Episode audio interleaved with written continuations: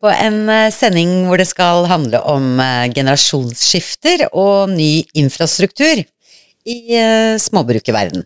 Vi er småbrukerne. Anita Mjelland, Anslik Kraft. Og dette er podkasten for de som går foran. Sjølbergerne, husmødrene, småbrukerne, de moderne nybyggerne og de som dyrker i hagen eller verandakassene.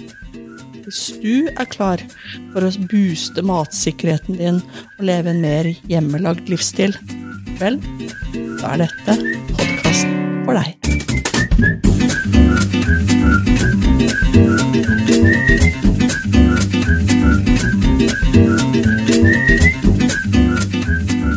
Generasjonsskifte, ja. Det er jo ikke sånn at ting eh, forandrer seg fra en dag til en annen. Eh, Det gjør det jo ikke. Eh, Men fra generasjon til generasjon, så Og hvis vi skal holde oss litt i småbrukerverden, som det er der Vi bør. Vi, som vi både bør, og det er der vi liker oss best, Ja. så um, har jo tidene litt eh, forandret seg fra hvordan man eh, drev småbruk sånn, og tradisjonelt Mm. jordbruk før, og hvilke behov man hadde, og hvem som bodde på gården før. ja. Det var jo gjerne flere nå? generasjoner. Ja, hvis vi skal begynne der, Ja. så var det jo bolig og kårbolig og småbrukerlivet basert på flere, at flere generasjoner bodde sammen, ja. Mm. Kanskje til og med en dreng og en gårdsjente og litt forskjellig. Og det skal ikke så himla langt tilbake før, eh, før det var sånn. Selvfølgelig vår, før vår tid, da, men, eh, men, men likevel. Det, det er folk som fortsatt husker det. Det var jo en fornuftig innretning, da, fordi eh, man trenger jo litt flere hender når man skal dyrke og ha dyr og Ja. leve litt av hva jord gir.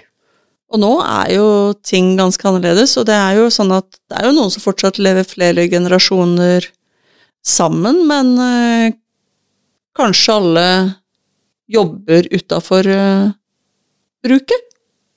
Ganske vanlig. Det er ganske vanlig. Eh, og så er det jo sånn at noen som Det er jo ikke alle som er i et parforhold når de overtar et bruk.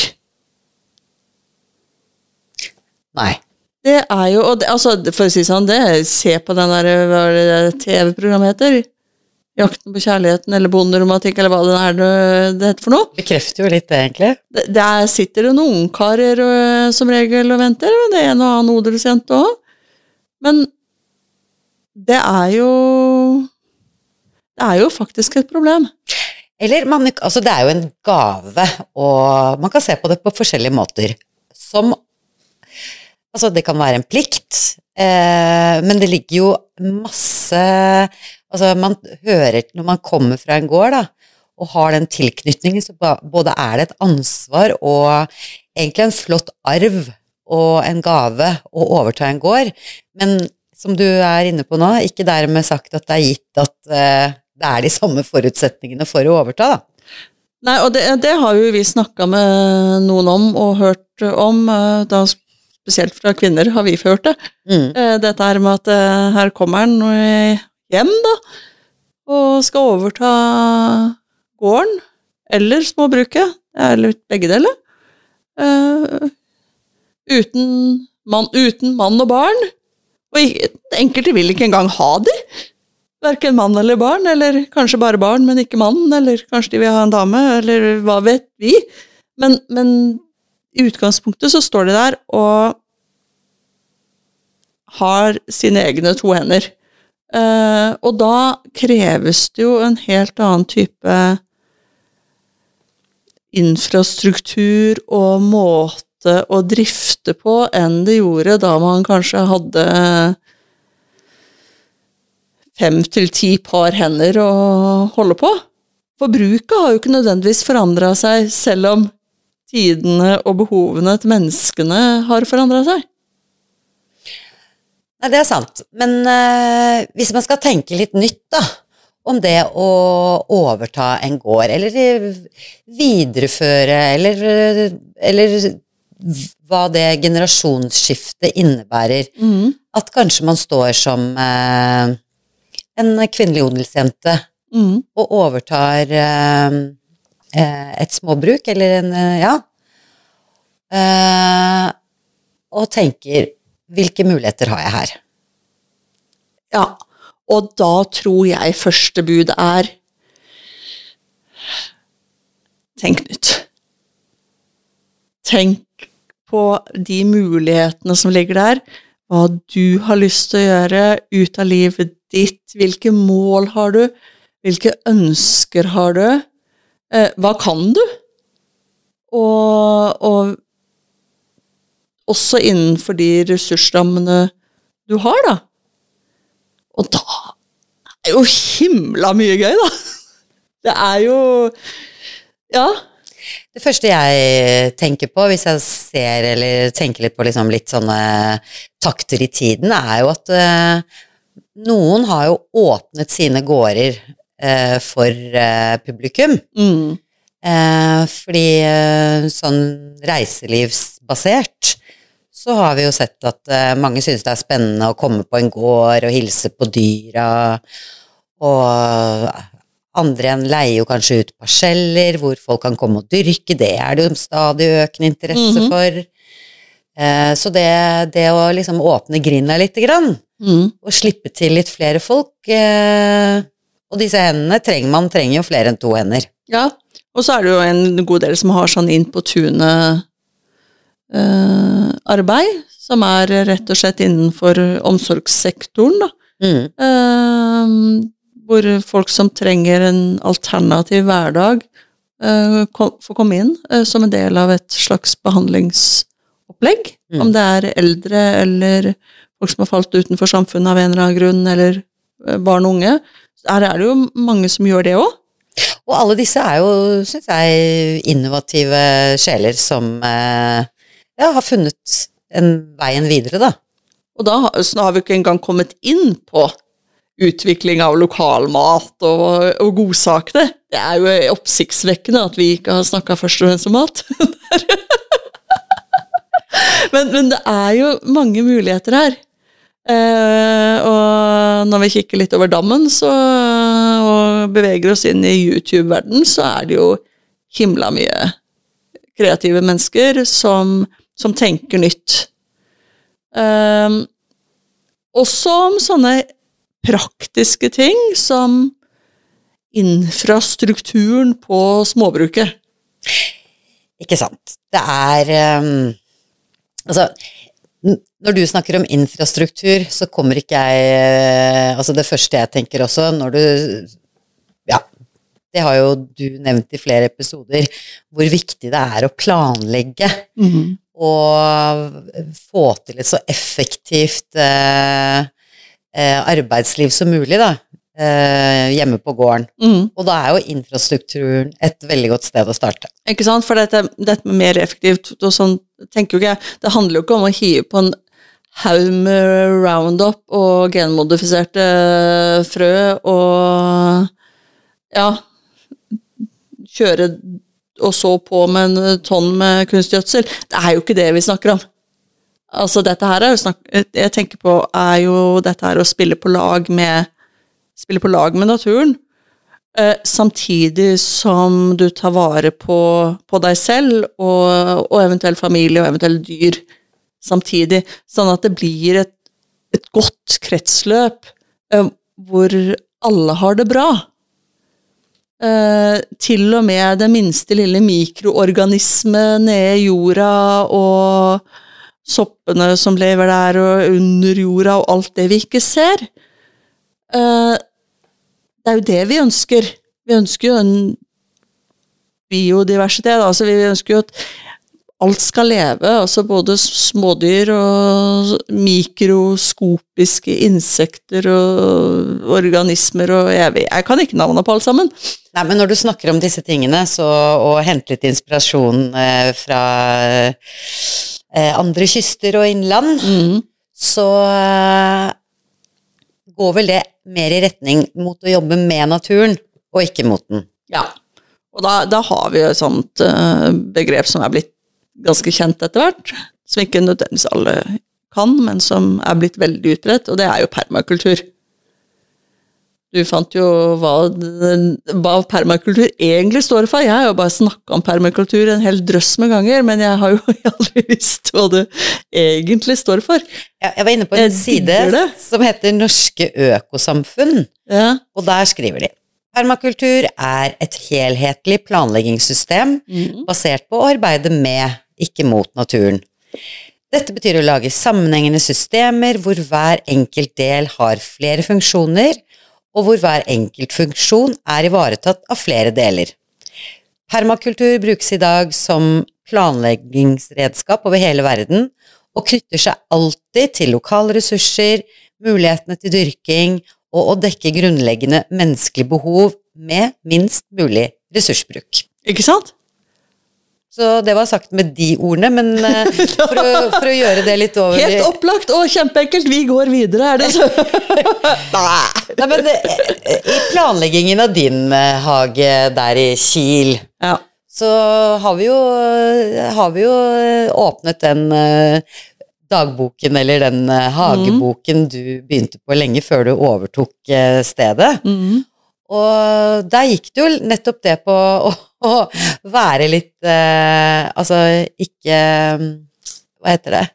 Altså gjøre det minst mulig tungvint for deg selv også, da. Mm. Ja, altså, det er jo altså- litt inni den rekkefølgen der. Sånn som du for eksempel sa.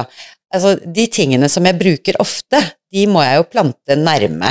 Mm. Sånn at jeg ser de, og får passet på de, og blir minnet på at jeg skal inn og hente urtene mine og sherrytomatene. Så de er mm. ikke så langt unna husveggen din, for eksempel. Mm. Det er jo permakultur. Det er jo altså det er permakultur i praksis. Mm. Altså, det, for det høres jo veldig fancy og avansert ut og kjempevanskelig ut uh, når, uh, når, man leser opp en sånn definisjon, og så handler det om hverdagen. Og da er det jo sånn at uh, her fins det ingen mal. Eller jo, det fins en mal, det var feil å si, men det fin, eller det fins en slags oppskrift. Mal, ja, fordi at det, du kan ikke bare kjøpe dette her og så bare tre det over der du bor. For du må tilpasse det der du bor og virker. Men la oss begynne der, da. Liv. La oss begynne der, da. Ja. Man har en uh, tomt, man har et, et, sted hvor man vil dyrke. Og da eh, må man rusle litt rundt og se litt på sol og skyggeforhold. Ja, det er jo det første. Mm. Sol og skygge. Altså, planter trenger sol. Eh, mange av plantene trenger mye sol, og det betyr at de trenger det opp til sånn 10-12 timer om dagen, eh, enkelte av de. Um, og da må du rett og slett øh, følge med på eiendommen din og se er det noen trær som skygger her? Er det en hei som skygger? Hus? Et uthus? Hva fins her? Og så må du se det gjennom dagen. Altså, du må se det på morgenen når sola står opp. Du må se det gjennom hele dagen, og du må se den til sola går ned. Uh, og så må du gjøre en analyse av uh, av stedet. Så det kan hende at der du hadde tenkt at det var helt perfekt å anlegge uh, dyrkingsområde, kanskje ikke er perfekt. Kanskje det er et annet sted. Og hele tiden ha, ha, ha i mente dette her med at det du trenger å oppsøke oftest, det må være nærmest. Det du trenger å oppsøke sjeldnest, kan være lengst ute. Tenk på sånne sirkler Soner, ja. Soner ut ifra huset. Rundt, ja, ikke sant. Sånne sirkler som bare utvider seg rundt, eller ut ifra huset. Ja, altså de færreste oss starter jo med liksom en gedigen tomt, og så skal vi begynne å bygge der. Det er eh, De fleste overtar eh, eller kjøper noe som hvor det allerede fins noe bygningsmasse. Ja. ja. Eh, sånn at du, du må starte der.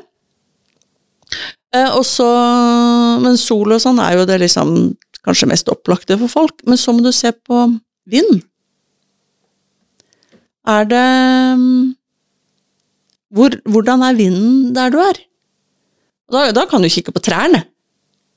Altså Noen steder så står jo trærne skrått. Ja, det må du ta hensyn til når du skal planlegge hvor du skal dyrke. Eh, da må du tenke på at disse plantene trenger litt le. Mm. Eh, så ikke plasser de midt i den verste nordavinden, hvis det er det som er eh, forholdene der du bor. Da kan det hende at du bør flytte det kanskje noen gang. Og så, så kommer det enda mer. Hva er det? Sol, vind, ja, ærlig talt. Vann. Vann. Vann. En opplagt sak. Plantene våre, grønnsakene våre, de eh, er avhengig av vann. Ja. Og da er det sånn at de kan både tørke, og de kan drukne. Har du sandholdig jord, så er det lett for at de, de tørker. Har du tung leirjord, ja, da kan de drukne. I tillegg så fryser de litt sånn jeg er det på tidlig, for det vannet i leira holder veldig på kulda, og ja, det er rett og slett ubehagelig. Men du, i litt sånn permakultur-ånd-filosofi, Mm. så, så vil vi jo helst at naturen skal ordne opp mest mulig selv. At eh, Ja, det er jo altså sånn når vi snakker om eh, ikke bare jordsmonnet, men litt sånn sjekke hvordan regnforholdene er, da. mm. Der du er, fordi hvor uh, mer plantene kan klare seg selv eh, med, den, eh, med det som regner, eller hvor fuktig jorda er, hvor mer herda blir det jo, Mm. enn at vi skal løpe rundt og vanne på det hele tiden. Ja, og, og derfor er jo det kjempeviktig. Altså det vi, og, men der er jo eh, jordsmonnet en del av det òg, eh, ikke sant? Eh, noe holder mer på vann enn andre ting. Eh, sånn at eh, hvis du har forskjellige typer jordsmonn rundt omkring, så kanskje du skal prøve å finne den som er den optimale. Mm. Eh, ellers så er det jo sånn at eh, du må sjekke hvor mange regndager du har i snitt eh, der du bor, og da spesielt da i dyrkingsperioden. Sånn som her hvor vi holder til, så er jo februar måneden i året med minst nedbør. Veldig lite relevant for mine tomater. Ikke sant. Nei, da holder det vel mest på med disse så-prosjektene innendørs, Ja, ikke sant? både i februar og mars. Men juli er det en annen tørr måned her hvor vi holder til. Mm. Ok, da må vi tenke på hva vi skal gjøre da. Og her vi bor, så har vi i tillegg ofte vanningsforbud eh, i juli. Så tørt er det her. Bare sånn yeah, yeah. Og i tillegg så er det en drøss med turister. Ikke noe gærent med turister, men de, bruker, de dusjer, de òg. Og det, det er vi glad for. Mm. så det er ikke noe det. Men vi må dele på, på vannet, eh, og da, da kan vi ikke nødvendigvis uh, vanne til hele, hele tiden, eller ha dryppvanningssystemer som står og går uh, døgnet rundt og sånt.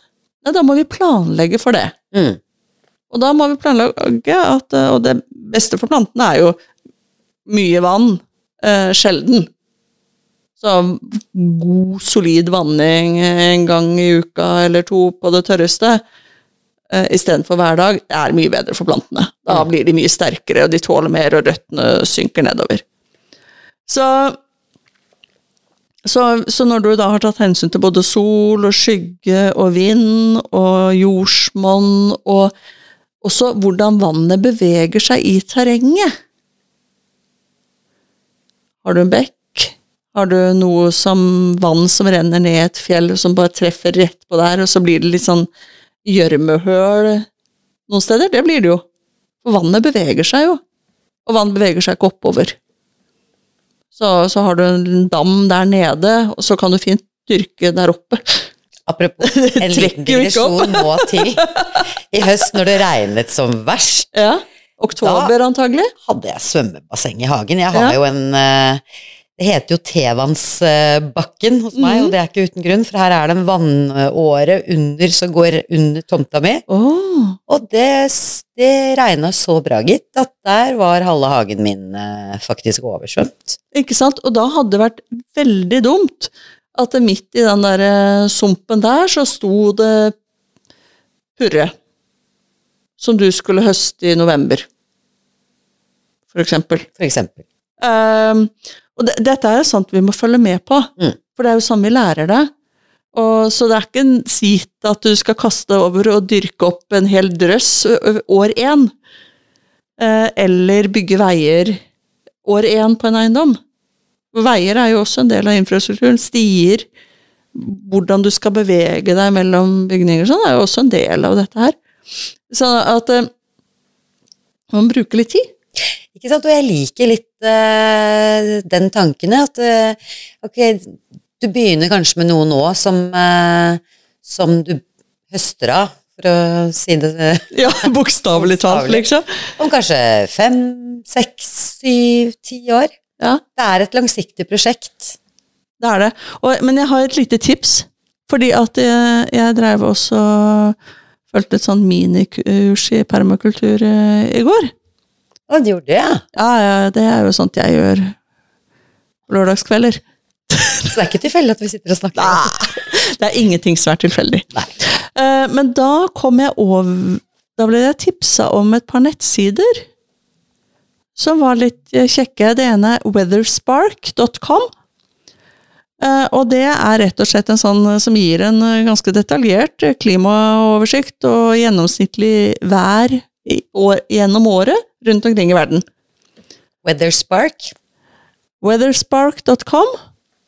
Kjempefin, superenkel. Du kan få se litt sånn eh, beskrivelser og sånt. eh. Mye her eh, ble jeg jo selvfølgelig mm, ikke overraska over. Men, men allikevel godt å få det, få det dokumentert, at det du har på en måte levd med og opplevd, det, ja, noe av dette her stemmer. Eh, Så det er et veldig fint planleggingsverktøy. Uh, Og i tillegg så ble jeg tipsa om noe som heter contourmapgenerator.com. Altså Det handler rett og slett om topografien um, der du er. Hvor du på en måte får et slags kart over uh, Hvilken vei vannet renner og sånn. Ja, Ja, for eksempel. for eksempel. Så nå, nå ser du mye på godt på norgeskart.no også, altså hvis du går inn på Kartverket eh, og klikker deg inn på, på kart der, så kan du finne eiendommen din med eiendomsgrenser og alt mulig rart, og der kan, får du også ganske god oversikt over topografi. Du følger disse strekene på kartet og sånn som vi lærte om i geografitimene på barneskolen. Eller hvis du har vært med i et orienteringslag, så kan du det bedre enn dette. men, eh, men dette er sånt som er nyttig å ha med seg, for dette her er planleggingsverktøy. Dette er planlegging. Da, da høres det kanskje litt i overkant nerdete ut, men nerding er bra. For det kan gi deg en lettere hverdag. Nøling er bra, og så er det bra altså sånn, Man lærer underveis også. Ja. Litt sånn som uh, du snakker om å altså Hvis man tenker å spille på lag med naturen, da, så er det jo mye som blir raka og klippa og Som skal fjernes fra disse bedene når de endelig er etablert. Men uh, hvorfor uh, kjøre av gårde verdens beste gjødsling som i, i tillegg forbedrer jorda di? Å, fader, jeg har gjort dette så mye. Det er så teit! Kjørt bort gress, klipp og løv og alle ugress og alt mulig rart. Så har jeg kjøpt kompost. Jeg føler meg så teit. Ja, for bare den lille Altså bare det å sånn- putte gresset og pakke det pent rundt eh, rundt eh, plantene, det er jo den beste gjødslinga du kan drive med. De elsker det, og det holder på vann òg. Ja, og da jeg begynte med det, da, da var det Det snakker om åpenbaringer, men altså det var jo en ny åpenbaring. Eh, den er gammel nå, da. Men da, da følte jeg meg rett og slett litt dum, som ikke hadde begynt med det før. Der er det jo, altså som, som du sier, altså det, er, det holder på fuktigheten, og det gjødsler jorda samtidig. Du bygger opp organisk materiale i jorda di ved å ta det derre teite gressklipp og legger der. Og i tillegg, når du luker da, for det blir mindre ugress òg, det er jo gull. Det er jo gull. Aha. Det liker vi. Og det der lille du da luker opp, trenger ikke å fjerne det heller. Legg det på toppen av gresset. Så visner det, og så blir det næring, og så er livet veldig mye bedre. Og, og løvet har vi jo snakka om så vidt før. altså Det skal jo selvfølgelig i komposten. For det er jo karbonholdig materiale når det er blitt sånn brunt. Sånn at det, Og dette her er permakultur. Og det er Dette gjør livet bedre. Ikke sant, og vi begynte å snakke litt om generasjonsskifter og litt sånn, men altså dette her handler jo om å bare den gamle lærdommen det er. Eh, før kunstgjødsel og alt, så brukte man vel alle disse tingene. Antagelig. Jeg tror det. Jeg har ikke lært av noen eh, formødre eller eh, forfedre, men uh... Jeg kan ikke tenke meg at de kjørte bort gress og blader uh, det gjorde de i hvert fall ikke. Det gjorde de ikke. Og Vi bruker det vi har. Jepp. Og de brukte jo Altså, vi bor jo langs kysten, og tang Tang. er jo kjempemye brukt til, til, til gjødsling. Mm. Og, Og det ble lagt blant poteten potetene og sånt, og det, det husker jo pappa. Og det er så gøy, for jeg har noen venner som de, de drar på tangjakt. De drar ut og henter tang for å ha som gjødsel. Det har jeg tenkt på i mange år. Jeg har liksom bare ikke fått gjort det, for jeg har liksom ikke Jeg har ikke lyst til å bade, for det er pinglete på vann. det, er, det er kaldt. Um, Som en rake, og så raske opp litt tang rundt brygga mi. Der er det masse tang. Da blir brygga di eh, tanghentested. Så deilig, da, for da får jeg fram den der sandbunnen som egentlig er under all den tangen. Har du sandbunn under tangen? Oh, yes. Ja, ja men du, er- nå er det jo sånn at vi, vi har jo disse 17 kvadratmeterne ute på bruket ditt der, og det må jo ha tang. Ja. Og. Det, er, det, det, har no, det har førsteretten på den tanga. Altså. det er nok av tang. Jeg skal love deg at det er tang til både litt her og litt der, og som du sier det, Hvis vi er i litt permakulturfilosofien, mm. da, så er jo hytta en båtreise, eller det, det, potetåkeren en båtreise unna. Men det gjør ikke noe, sier du, for at de potetene de kan stå litt, litt langt unna huset. Ja. De trenger ikke så mye stell. Så Nei. de Ja, si. ja, nei, for det er nettopp det. Altså, de trenger du kanskje å hyppe eh, to ganger i løpet av sesongen. Men med gressklipp og tang, så trenger du ikke å hyppe. Kan de bare stå For der du bare og hiver på litt mer gressklipp og tang for på hytta, eller småbruket. Så, så klipper dere jo gresset. Oh, yes. De potetene kommer jo til å elske det. Så de kan egentlig bare stå De bare der, står der. og vente på å bli Høsta. høsta til høsten? Mhm. Wow. Så, så det er jo nettopp det. Altså det urtene, salatene, sherrytomatene det, det vi skal bruke rett inn på kjøkkenet, eller rett til grillen, kanskje enda bedre, eh, det må vi ha nærme. Og det betyr jo også at uh, ute på småbruket så må det være noe sånt også, for dere er jo der også og spiser. Det er jo ikke sånn at du alltid er i byen og så går ut. Så, men, men da må de tingene stå helt nære huset, eh, mens den lille potetåkeren vi har planlagt, den står jo nær brønnen. Et stykke unna huset, Ja, men vi- på vei ned mot brygga. Og vi sjekka solforhold og vannforhold, og ja, det var jo på et gammelt jorde, det skal sies, som nå er en gressbakke. Jo, men, det var jo i sin tid et jorde. ja, og, men vi så jo også etter hvor er det vannet går her, og vi fant jo ut at det, det er jo blitt et søkk midt i jordet der, Mm. eh, hvor vannet åpenbart samler seg og går, og midt inni der vil vi jo ikke ha poteter. Nei.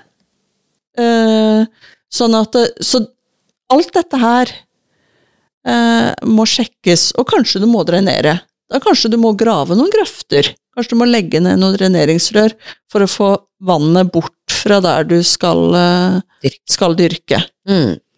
Og så er det jo i tillegg da Kanskje du må legge opp noen vann, vannledninger eller vannrør for å kunne vanne når du må, faktisk må vanne. Mm. Eller hvis du har dyr. De må jo ha vann hver dag. Ja, istedenfor å slepe rundt på vannkanner og tømmer. Og sånn øh, bære deg i hjel på bøtter, eller kanskje du til og med må kjøpe deg noen sånn svær traktor eller øh, firehjuling eller et eller annet sånt som du ellers ikke hadde trengt, bare for å frakte vann. Kan hende at investeringen i vannrør og noen vannkraner rundt omkring er kanskje vel så lurt. Ja, det tror jeg folk har tenkt på, som er i gang også. Altså, jeg, jeg tenker jo at Hvis man bare er ja, litt lat, da. jeg er det. Uh, ingen som tror meg. Jeg gjør altfor mye. Men jeg vil jo gjøre masse av det som er gøy. Og så ikke så mye av det som ikke er så gøy. Ok, da må jeg jo planlegge ut ifra det. Hvordan kan jeg gjøre det som ikke er så gøy, en, som må gjøres, på en god måte, men på en for meg enklere og mindre tidskrevende måte. Og så kan jeg holde på med mye mer av det som jeg syns er moro. Uh, og du vet, moro for meg, det betyr jo ikke at de bare er sånn happy, happy, joy, joy. Altså, jeg, jeg jobber himla mye med ting som jeg syns er moro. Men, uh, men, men, det er noe med å tenke etter. Hva er det Syns det er gøy å slepe uh, på mye vann? Vær så god! men det, det hadde ikke jeg giddet. Men det er det jeg tenker med permakultur, da. Er at uh, hvis man har den filosofien at man skal jobbe med naturen og ikke mm. mot naturen, så er jo det lite grann uh, de lates metode, da. Syns vi kan kalle det det.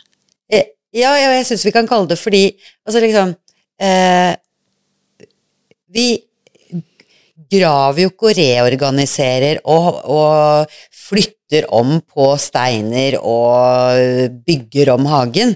Vi finner ut hvor det er mest egnet, mm. og vi bruker eh, Altså ved å studere litt naturen, da. Mm. Og vi, ikke sant, som vi var inne på her i sted, vi bruker eh, gressklipp og løv og det som ramler ned, til gjødsel. Mm. Vi forbedrer faktisk jordkvaliteten mm. eh, der vi dyrker, da, mm. ved at vi tenker sånn. Mm.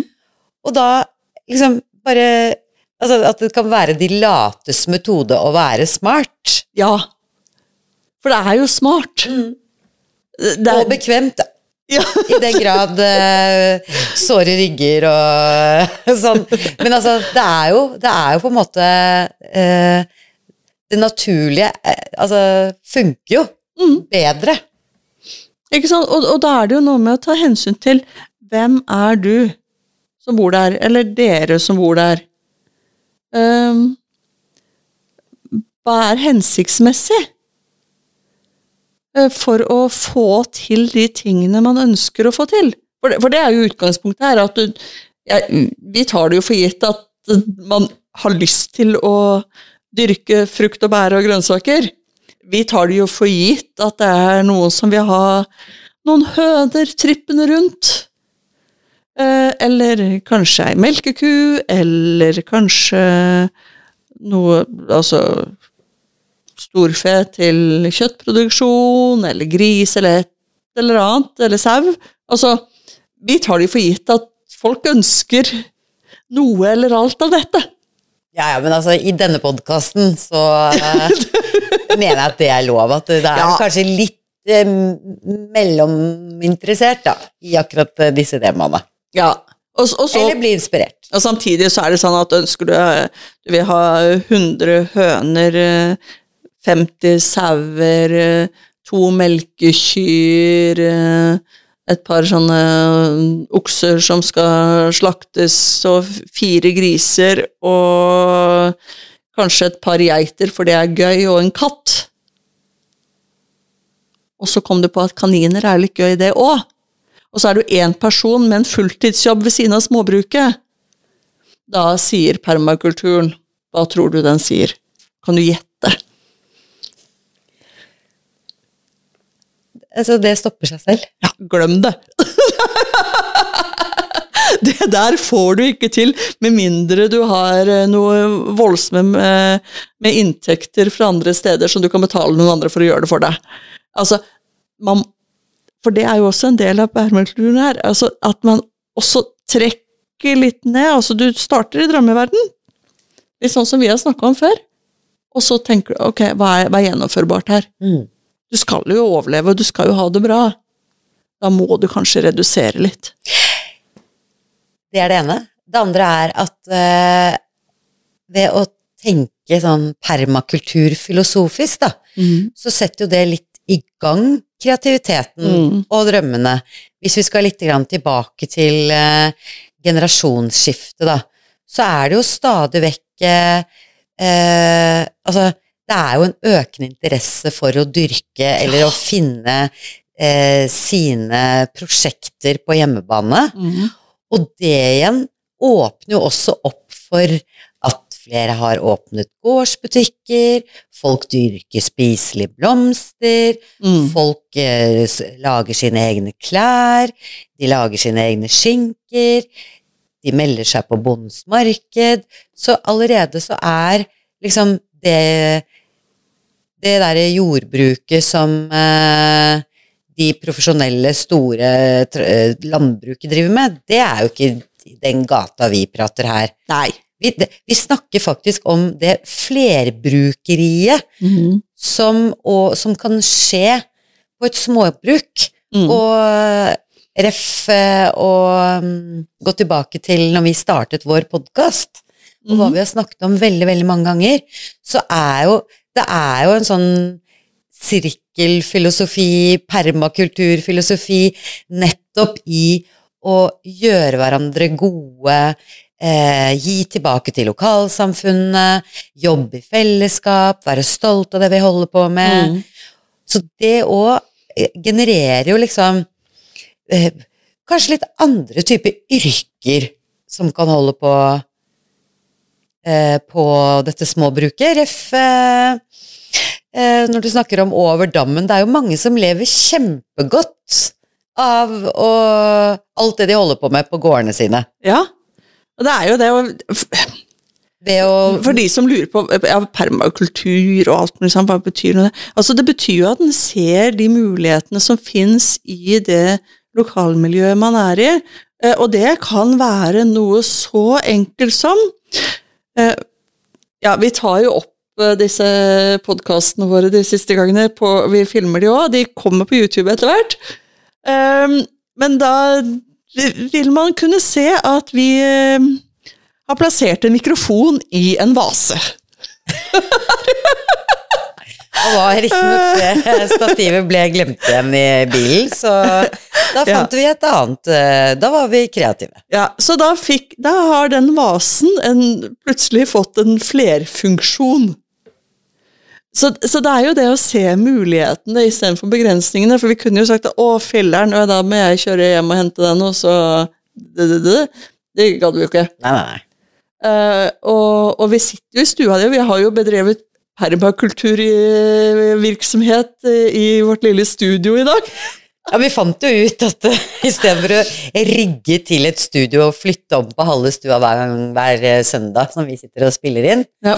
Så har vi laget oss en effektiv eh, Altså en base som funker med de tingene vi har for tiden. ja, vi tror i hvert fall det. Ja, så her er det Nå har vi, nå har vi gjort oss Nå har vi vært litt sånn effektive at nå bruker vi ikke så lang tid på å rigge studio, i hvert fall. Mm. Og det er i denne ånden.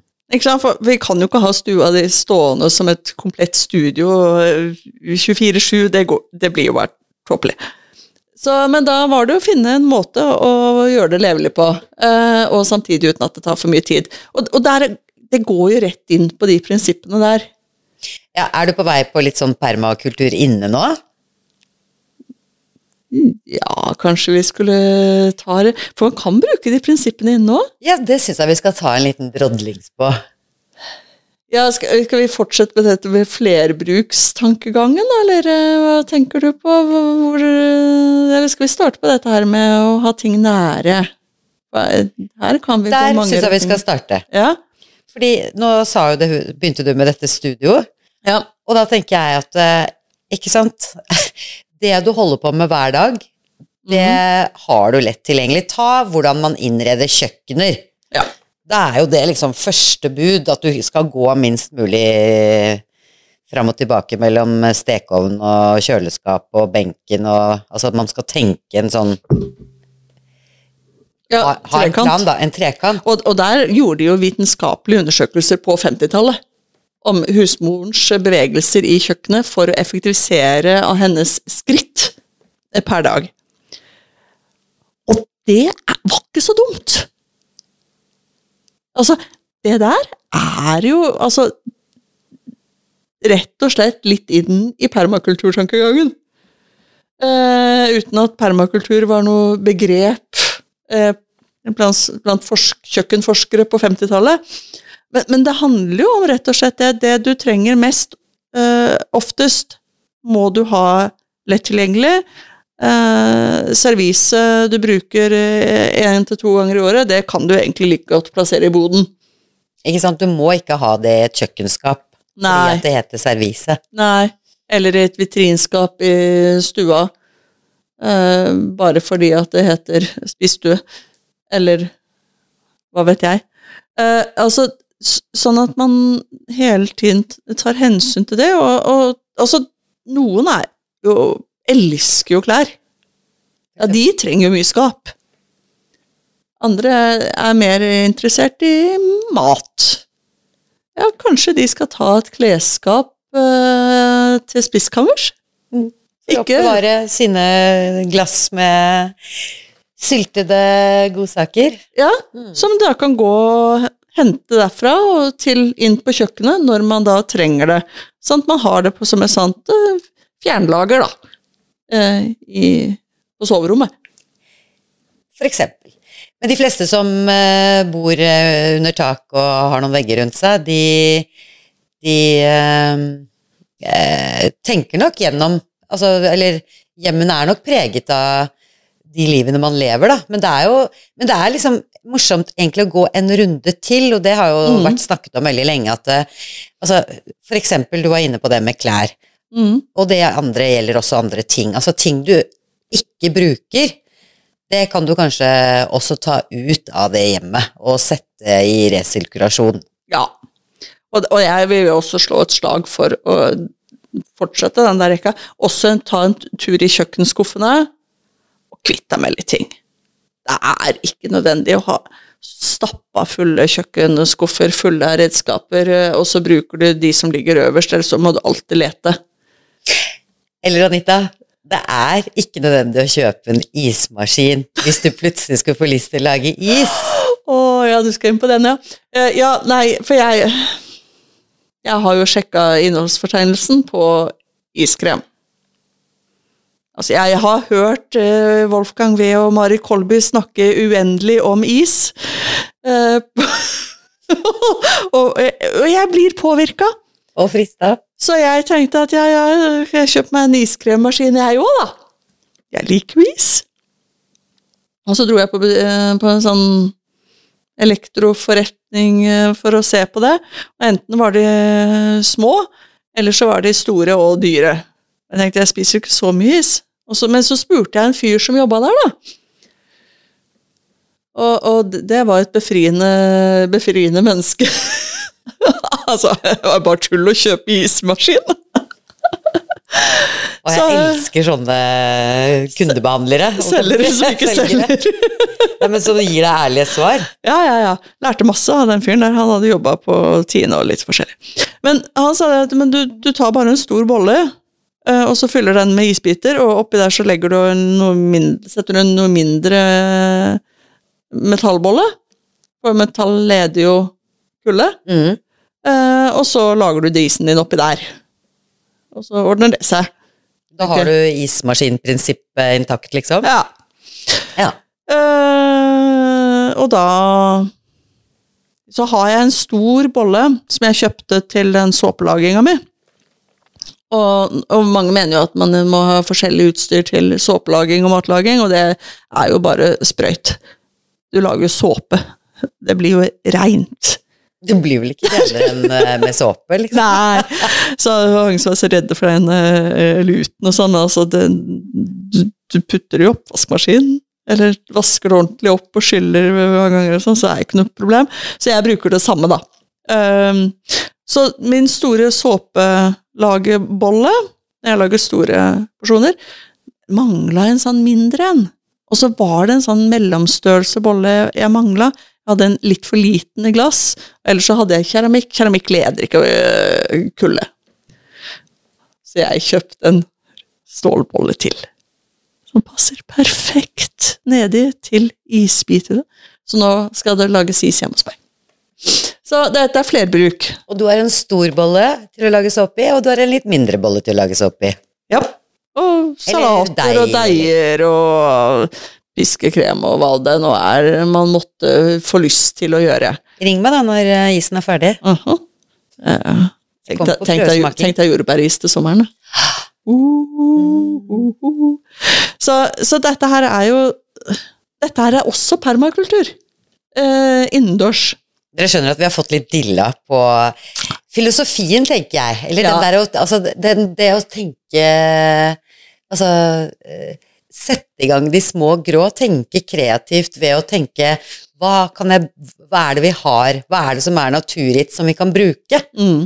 Og, hva, og, og ikke minst den gleden over å få til de tingene, fordi vi har jo så mye rundt oss som vi som på en måte ikke lever, da, hvis du skjønner hva jeg mm. mener, fordi vi har ikke Plutselig så er det bare døde ting som står og fyller opp. Mm. Plutselig så tror vi at hvis vi skal dyrke noe, så må vi ut og handle inn i bøtter og Ja. spann. Eh, Istedenfor å liksom downsize det, da. Mm. Og se hva vi har rundt oss. Mm.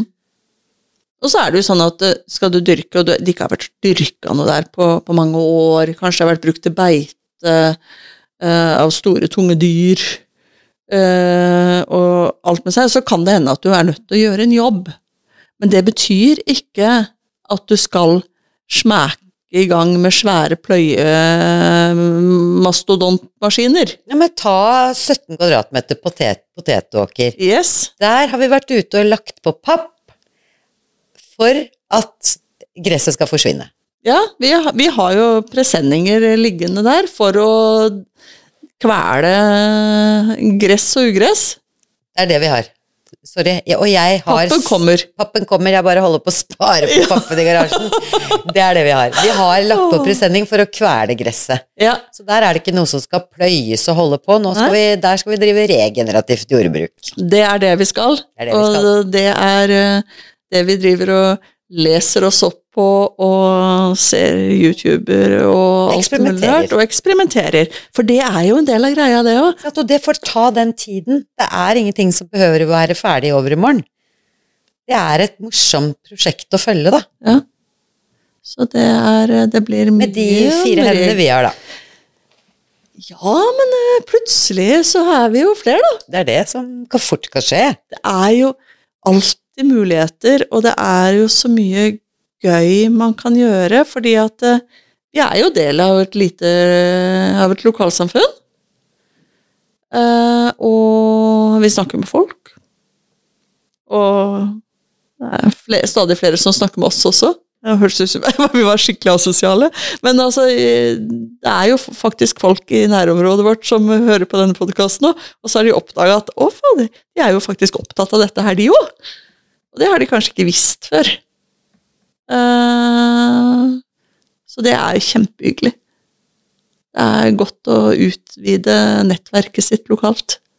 Det er det der. Og det går i de rareste retninger. Ja, Det er eh, mye som ligger i småbrukerkurven. Og folk kan forskjellige ting. Og det er jo også gøy. Fordi at da, da kan vi alle utvikle oss og lære mer, og enda flere som stiller spørsmålet Men hva hvis? Hva om? Hvordan? Altså, prøve å tenke på andre måter. Kan vi justere dette her på et vis som gjør at det kanskje vil fungere bedre? Hvordan skal jeg få dette her til? Kanskje jeg skal invitere noen inn eh, til å være med? Eh, til å få til noe. Og det er, eh, det er så viktig, og jeg tror veldig mange har på en måte gått denne samme tralten lenge. Også gjerne gjennom generasjoner. Og da har man jo fått får man jo overføringen også fra hva forrige generasjon gjorde, at ja, nei, men sånn har vi alltid gjort det. Dette er sånn det fungerer her. Men da spør hvorfor. Hva er det som gjorde at det fungerte? Hvorfor fungerte det? På hvilken måte fungerte det? Hva var forutsetningene for at det skulle fungere? Og da kan det hende du kommer fram til at det er jo jækla smart. Men det kan også hende du tenker at Hæ? Men dette her henger jo ikke på greip. I hvert fall ikke hvis vi skal jobbe på lag med naturen og med mm, mennesker og dyr som også holder til der, så kan du tenke at ja, men da tror jeg kanskje vi skal justere dette her. Ikke sant, og da sitter jeg og tenker på Når du sier det sånn, istedenfor å da la eh, gamle tradisjoner eller bygninger eh, bare forfalle og dø ut, så er det også det spennende som ligger i å se eh, eh, gamle tiders bruk med nye øyne. Mm. Altså jeg tenker for eksempel eh, Jeg husker jeg var i London, det er mange år siden nå, men der var det Da leide vi leilighet i noe som har vært en gammel kirke. Ja. For den hadde jo noen lagd om til en sånn utleiemuligheter. Mm. Istedenfor at den forfalt og forsvant, Mm. så ble den til det. Og folk lager jo jeg ja, bygger om låvene sine til eh, eh, leiligheter, til verksteder, til eh, Altså, når dyrene har flytta ut, så har det blitt mye annet i låver, tror jeg, rundt omkring på Mhm. småbruk, da. Jeg bare tenker liksom det som ligger i at det vokser noe nytt opp, istedenfor at vi skal liksom jevne det med jorda. Mm. Så lage en sånn fin generasjonsskifteovergang, da. Ta vare på de bra tingene, og liksom eh, Ja, plutselig så er det en eh, Sitter det kanskje noen eh, Du har fått bra tilgang på nett, og så sitter de og jobber med kunstig intelligens på loven. Det kan hende. Mm. Eh, nå, jeg, nå får jeg litt sånn Det er sikkert fordi at vi bor her vi bor. Eh, og alt blir ferieleiligheter. så jeg får litt sånn mm, på å bygge om låven til eh, nok en ferieleilighet. Nei, det er arbeidsplasser og kvinner som det skal satses på nå. Ja, og der, men, men jeg Fordi jeg er notorisk opptatt av muligheter. I know. Eh, jeg tror det er en sånn ekstrem frihetstrang som ligger til, til bånn her. Så jeg er alltid der at det, uansett hva man gjør, i hvert fall av sånne større ting altså sånne så, så tenk på at du ikke lukker noen andre muligheter.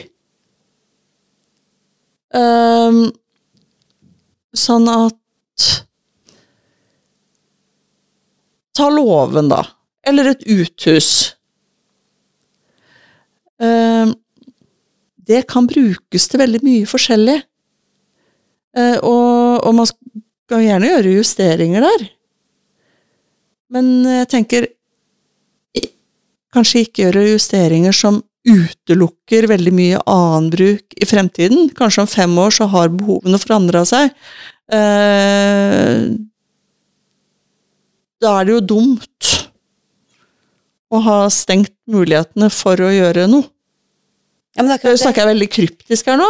Kanskje du sitter og tenker på ting, men jeg tror at det, la den, for guds skyld, den låven forbli en låve. Det er jo et fantastisk rom. Ja, altså der kan du ha kontor, du kan ha lager, du kan ha butikk, du kan ha hagestue, du kan ha bryllupsfester, du kan ha foredragsvirksomhet, du kan ha meieri, du kan ha gårdsbutikk, du kan ha høylager, du kan ha høner der på vinteren, og de kan du for så vidt ha i drivhuset på vinteren òg, for da gjødsler jo de mens de tusler og går og holder seg fint inne i drivhuset. Altså Det er så mange muligheter i et sånt bygg. Og da er det dumt om man bare tenker på den ene som man er opptatt av her og nå, og så gjør man noen grep som forhindrer alle de andre. Men der er vi. Det er nettopp det å la kreativiteten blomstre med de gitte tingene, og Mhm. videreutvikle de. Mm. For eksempel alle som har eh, sine hager, pene, pyntelige hager, Ja. og plutselig har funnet ut at å, det er både gøy og kanskje litt lurt òg, med litt sånn eh, beredskapstankegang, og dyrke litt grann i hagen. Ja, istedenfor å asfaltere den. Ja, eller ha grus og ja, Belegningstegn. ikke sant. Det er bare Hage er jo gull. Mhm. Mm. så det er litt sånn da Der skjønte jo alle at jeg ikke er så glad i verken asfalt eller belegningstegn, men, det, men det er så. Eh, men, men, men en plen, som jeg syns er ganske kjedelig, men nå har jeg funnet ut at jeg liker pga. at jeg liker gressklippe, eh, det er jo en mye mer mulighetsarena enn en asfaltert plass. Ja, i hvert fall i småbrukerånd, som vi, er, som vi er i. Dyrk poteter, eller gresskar, eller vannmeloner. Altså, hva du måtte ha lyst til som passer sånn noenlunde greit innenfor din klimasone. For det er jo ikke alle steder det kommer vannmelon. Og hva du har av eh, hjemmetid, da. Ja. Så nei, det er, det er så mange muligheter. Eh, og, og så må man bare tenke gjennom litt Jeg vil ikke si fornuftig, for det, det, da blir det litt sånn De samme tingene som alltid har blitt sett på som fornuftige. Vi må, vi må vri litt opp i hodene våre og tenke hva er det som er lurt her? Ikke sant? Og apropos lurt, eh, du fortalte meg noe altså sånn, Det har vi snakket om også tidligere. Tilbake til eh, litt sånn infrastruktur i hagen. Nå har vi hoppet litt fram og tilbake. Ja. det, Vi har, jeg syns vi har holdt et sånn overordna tema her, Det har vi ikke det, da? Nå er vi på infrastruktur, sånn som vi annonserte at vi skulle snakke om. Ja. Det har vi jo gjort eh, i noen bolker nå. Så snakket du om at det er lurt å lage noen sånne, kanskje noen sånne stier mellom eh, de Ja. ulike bedene for å ikke tråkke på plantene. Det vil vi jo ikke. Nei. Vi vil jo ikke ødelegge det vi dyrker. Nei. Så da er det lurt å lage sånne stier imellom bedene, mm. og kanskje legge sagflis i de. Ja, eh, ja. Og hvorfor det? Jo, altså Man vil ikke tråkke ned jorda, fordi at det ødelegger jo jordas evne til på en måte både å absorbere vann og så slippe det, og røttene trives jo bedre ikke sammenpakka jord. Sånn at du lager jo gangstier. Og så tar vi, hvis man tar sagflis nedi, ikke sagspon, men flis, altså litt større, så vil jo det etter hvert bli til kompost. Og da har du jo kompostjord rett ved siden av bedet ditt. Det er jo Det er derfor du var eh, Altså, dette her med lathetsgreiene. Du skjønner jo at jeg vil ha sagflis i hagen. smartlat. Jeg har hatt, jeg har hatt sånne svære belegningstegn jeg fikk av noen i gangstien, men jeg, de, vipp de er vippa opp, de. Jeg bare kom ikke så langt til å legge sagflis, så det er bare rot. men, men så hørte jeg en, en gullting til. Og dette må jo bare prøves. Jeg hørte om noen som hadde som, som hadde akkurat disse sagflysene sagflisene i gangstiene sine. og Disse her er- driver ganske stort. Så har de Så dyrker de sopp i de. Du tuller. Spiselig sopp. Så i gangstiene, på kantene der, liksom, så vokser det nå sopp. Som er med på å bryte ned sagflisen fortere. Og så samtidig kan de spise det.